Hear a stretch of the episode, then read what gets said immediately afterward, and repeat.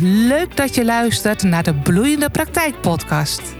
Ik ben Ingrid Beersen en in deze podcast deel ik tips voor coaches en therapeuten die verlangen naar een succesvolle en bloeiende praktijk.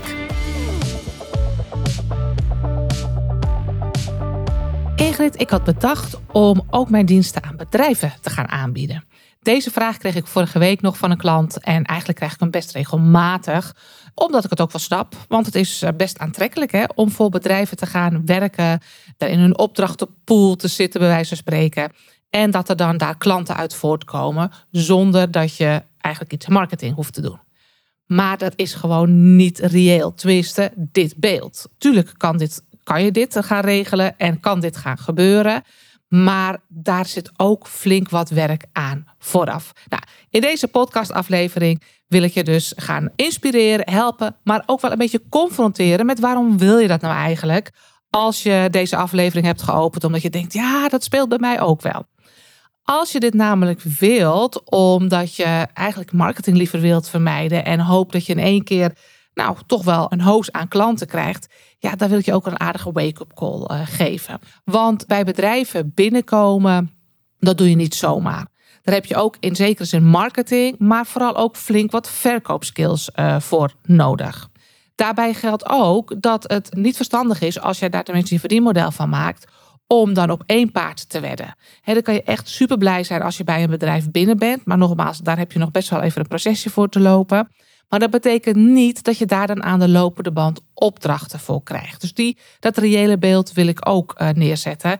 En dan loop je ook te veel risico als die op een gegeven moment zeggen van nou, we gaan onze budgetten toch maar eventjes wat, uh, wat anders verdelen. En zij stoppen opeens. Dat heb ik ook vaak gezien. Dat uh, sommige ondernemers bij mij kwamen en zeiden van... ik had gewoon twee bedrijven waar ik veel uh, voor, voor deed aan coaching. En die zijn gewoon compleet weggevallen. Ja, en als je dan dus niet een andere strategie ernaast hebt... loop je dus ontzettend veel risico. Dus dit even vooraf. Vraag jezelf echt af, waarom wil je dit? Want nogmaals, ik zie toch te vaak dat we denken dat het makkelijker is... een korte klap is... En dat je daardoor gewoon minder aan marketing hoeft te doen.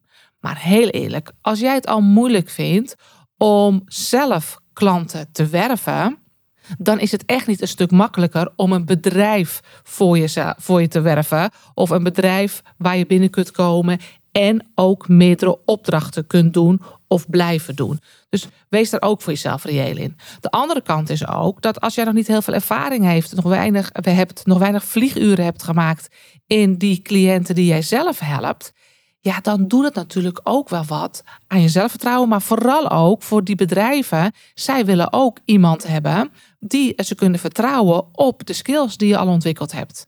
Niet alleen je kennis en kunde, maar ook de vaardigheden. Want voor hun hangt er ook wel het een en ander vanaf. Dus zij halen graag mensen binnen die al flink wat vlieguren hebben gemaakt. Dus dat is ook iets om je goed te realiseren. Je hebt wel een, zoals we het noemen, een track record nodig om binnen te komen bij bedrijven. Maar goed, dat betekent niet dat het niet kan. Hè? Dat is niet wat ik hier in deze aflevering met je, met je wil delen. Het kan wel degelijk. En ja, het kan ook zeker fijn zijn als je misschien naast gewoon de consumentenmarkt bij één, twee of misschien wel drie bedrijven ook regelmatig uh, wat business kunt, uh, kunt doen. Waar je dan rekening mee moet houden, is dat je wel een wat langere adem moet hebben, wat meer geduld moet hebben. Kijk, de hele grote bedrijven, hè, zoals het UWV of Unilever of dat soort bedrijven, die werken echt met aanbestedingen. Dus dan ga je echt een aanbestedingsproces in, moet je allemaal dingen opleveren. En dat is eigenlijk vooral in het begin een papieren tijger voordat je binnen bent. Nou, dat moet je dus heel erg afvragen of je dat wilt en wilt, uh, wilt aangaan. Als je daarnaast gewoon ook lekker met, uh, zelf met cliënten wilt gaan, uh, gaan werken. kijk, als het je core business is en je hebt gewoon een, een praktijk waar je meerdere mensen aan het werk moet houden, dan is dat natuurlijk wat anders. Maar ben jij één pitter en vind je het fijn om cliënten te helpen, heb je er zelf een strategie voor en daarnaast wil je bedrijven eh, helpen, ja, dan is een bedrijf met een heel aanbestedingsproces nou niet de meest handige stap om te nemen. Je hebt natuurlijk ook de wat kleinere bedrijven die dat niet hebben, eh, de MKB-bedrijven bij ze spreken, of de wat kleinere organisaties in de publieke sector, kleinere zorgorganisaties bij wijze van spreken. Daar kan het zeker interessant eh, zijn. Wat doe je nu als je zoiets hebt van ik wil daar wel graag mee aan de, aan de slag? Sowieso is het dan handig dat je realiseert dat er altijd, in marketingtermen noemen wij dat een decision making unit is. Maar er zijn altijd meerdere mensen die over een besluit gaan. En dat is gewoon handig. Je kan niet altijd van tevoren te achterhalen. Soms wel een beetje, in ieder geval in je eerste gesprek.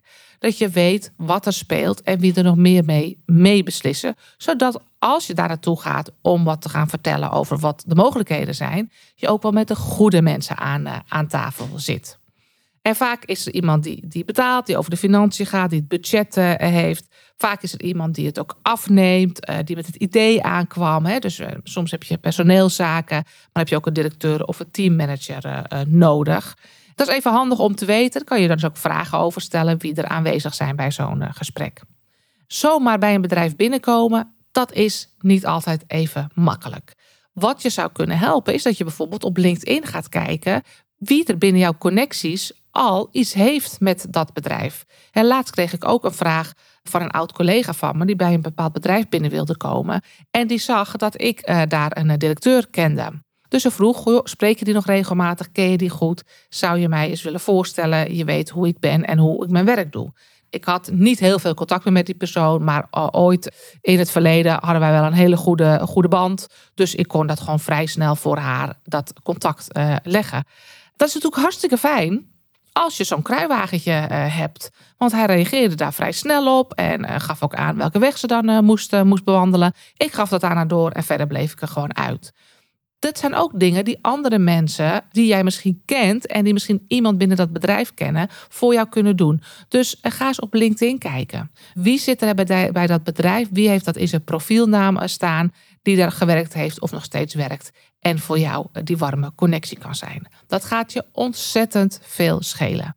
Gewoon bellen naar een bedrijf en zeggen: eh, Ik ben op zoek naar iemand die over, nou, weet ik veel, over uh, ziekteverzuim gaat. Of over.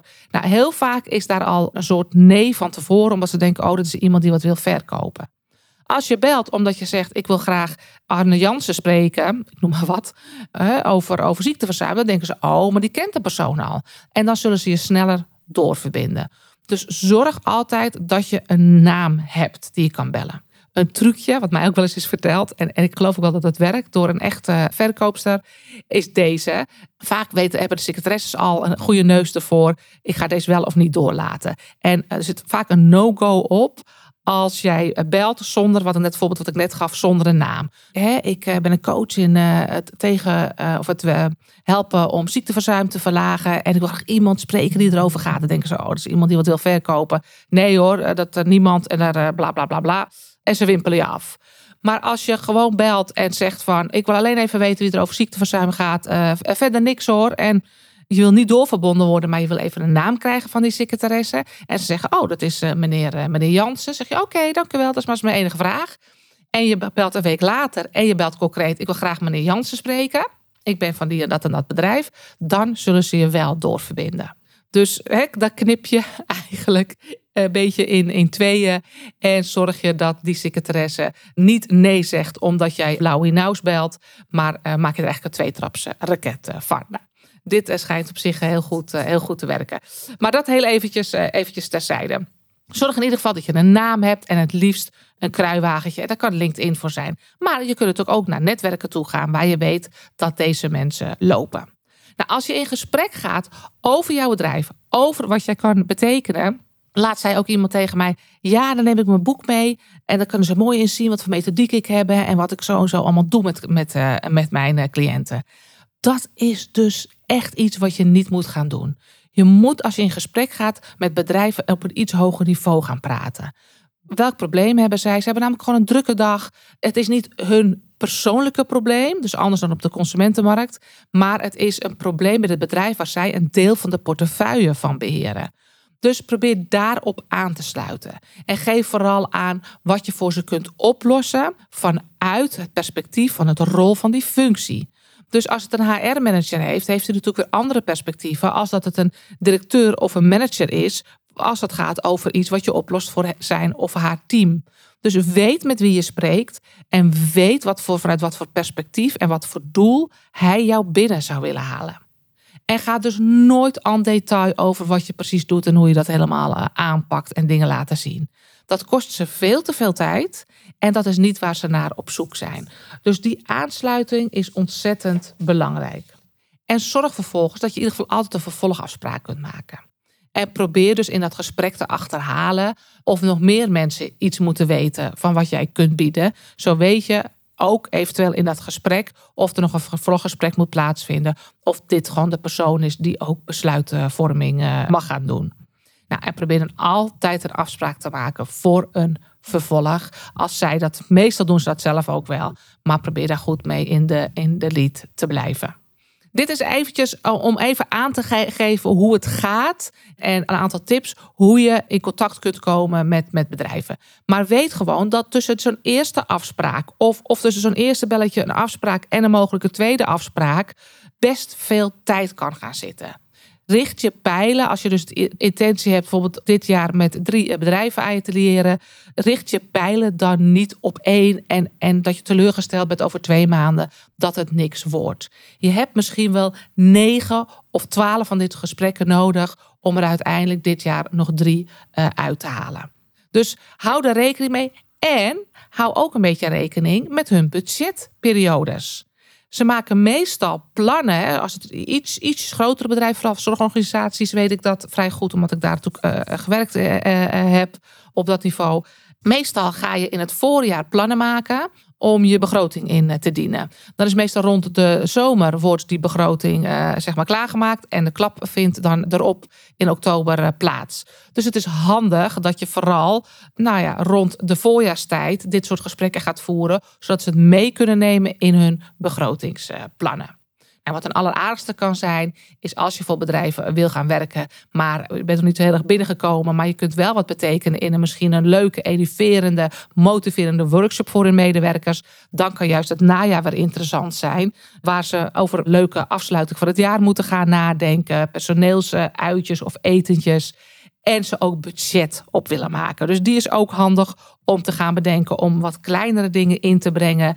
zoekt u nog naar een, eh, een, een interessant leuk uitje? Wilt u uw team motiveren uh, naar de vakantieperiode? Kortom, een beetje vanaf september, oktober, november heb je weer kans dat ze gaan nadenken over het budgetten die ze nog uh, hebben en nog op moeten maken. Dus dit is wat betreft de input die ik je wil geven hoe je kunt nadenken over met bedrijven werken. En als je dan hebt, die vraag krijg ik ook heel vaak, hoe zet ik dat er op mijn website? Als jouw intentie is dat je graag met cliënten werkt en het fijn vindt om ook wat voor bedrijven te doen, dan gaat je hele website over die cliënten. En dan kan je gewoon één kopje maken voor organisaties en bedrijven. Die taal die je daar spreekt, onder dat kopje, onder die pagina die je dan opent, die moet natuurlijk wel alles uitademen indachtig die HR-manager of die directeur of teammanager die je wilt aanspreken. Maar dat kan prima op een website als het maar over eenzelfde doelgroep gaat die je wilt bedienen met eenzelfde type probleem.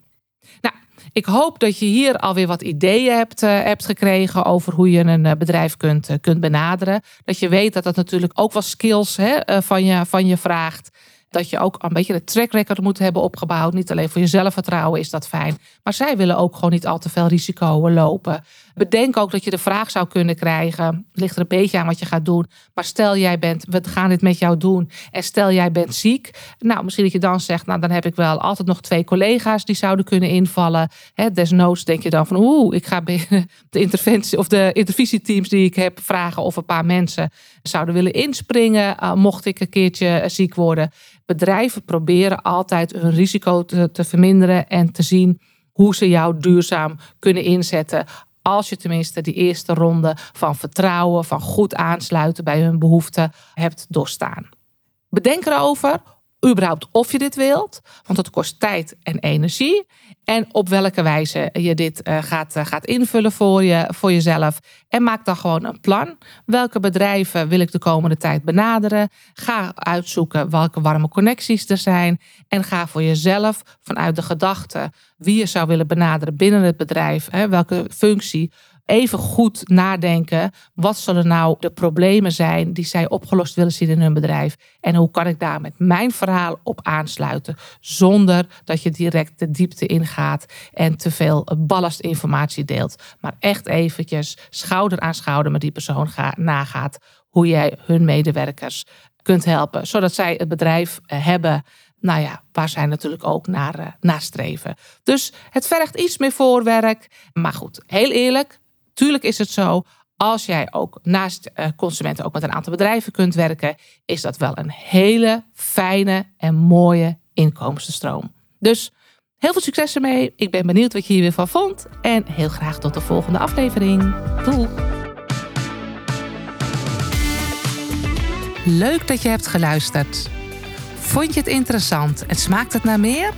Abonneer je dan op mijn podcast, zodat je op de hoogte blijft van de nieuwste afleveringen. En wil je meer informatie? Neem dan een kijkje op de website van bureaubeersen.nl.